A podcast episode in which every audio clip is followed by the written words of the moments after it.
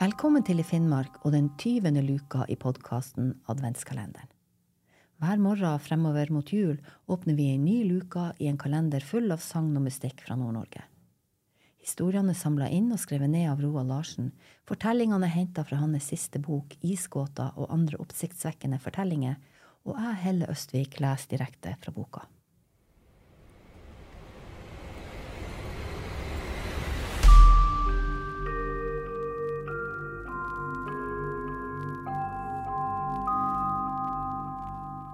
Vi åpner kalenderens tyvende luke med fortellinga Oldemor og barnet. I Bodø bor et ungt par som heter Asbjørg og Olav. De kjøpte seg ei leilighet et stykke fra sentrum da Asbjørg ble gravid. Da ei lita jente kom til verden, var det til stor glede for alle, ikke minst for besteforeldrene på begge sider, siden dette var deres første barnebarn. Den lille jenta ble delvis oppkalt etter Anna Sofie, oldemora på morssida. I månedene som gikk, var det en stor glede for foreldrene å se den lille jenta deres vokse til og utvikle seg. De kunne se hvordan hun gradvis tok til å utforske omgivelsene sine. Hun begynte å krabbe på ulike måter og etter hvert sette seg opp, undersøke og utforske leker, lage flere og nye lyder og forstå flere og flere ord. Det var bare én sorg i gleden. Den lille jenta sov lite og gråt mye. Hun ble undersøkt av lege, men alt så ut til å være i orden med henne.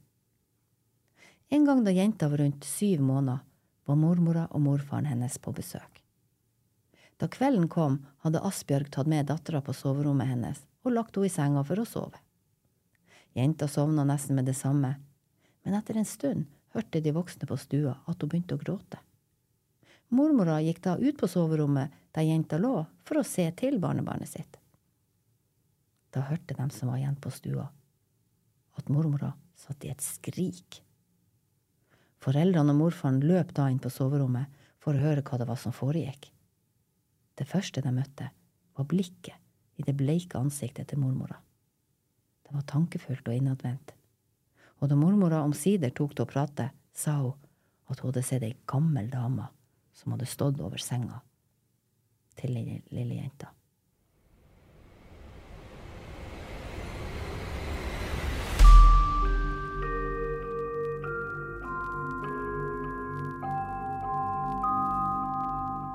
En ettermiddag like etter denne hendelsen ringte Asbjørg til en synsk person i Bodø som heter Erik. Hun fortalte hva som hadde hendt, og spurte om den klarsynte kunne hjelpe dem. Det sa han Erik ja til. Han satte seg i bilen og kjørte til huset som han hadde fått oppgitt adressen til. Da han ankom, forklarte foreldrene og besteforeldrene hva som hadde skjedd.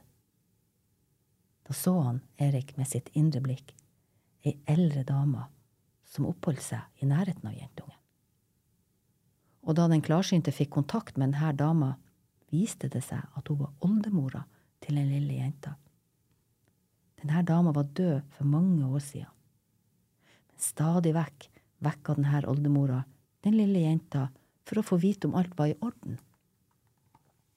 Hun var så ivrig med å passe på oldebarnet sitt at det ikke fikk ro. Erik kommuniserte med oldemora og prøvde å overtale henne til å la den lille jenta være i fred. Men det var ingen lett sak å få overbevist oldemora om nettopp det. For hun ville ha oldebarnet med seg til det hinsidige for å passe bedre på henne der.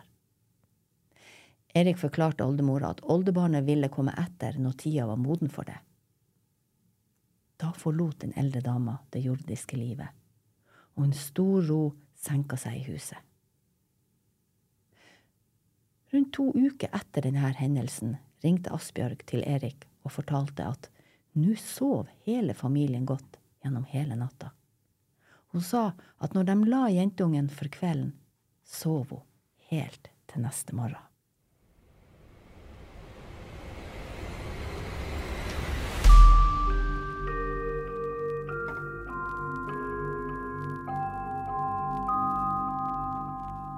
Det var 20. luke i Finnmarks podkast Adventskalenderen. Mitt navn er Helle Østvik, og jeg har lest historien Oldemor og barnet fra Roald Larsens siste bok Isgåten, utgikk av Arktisk Forlag.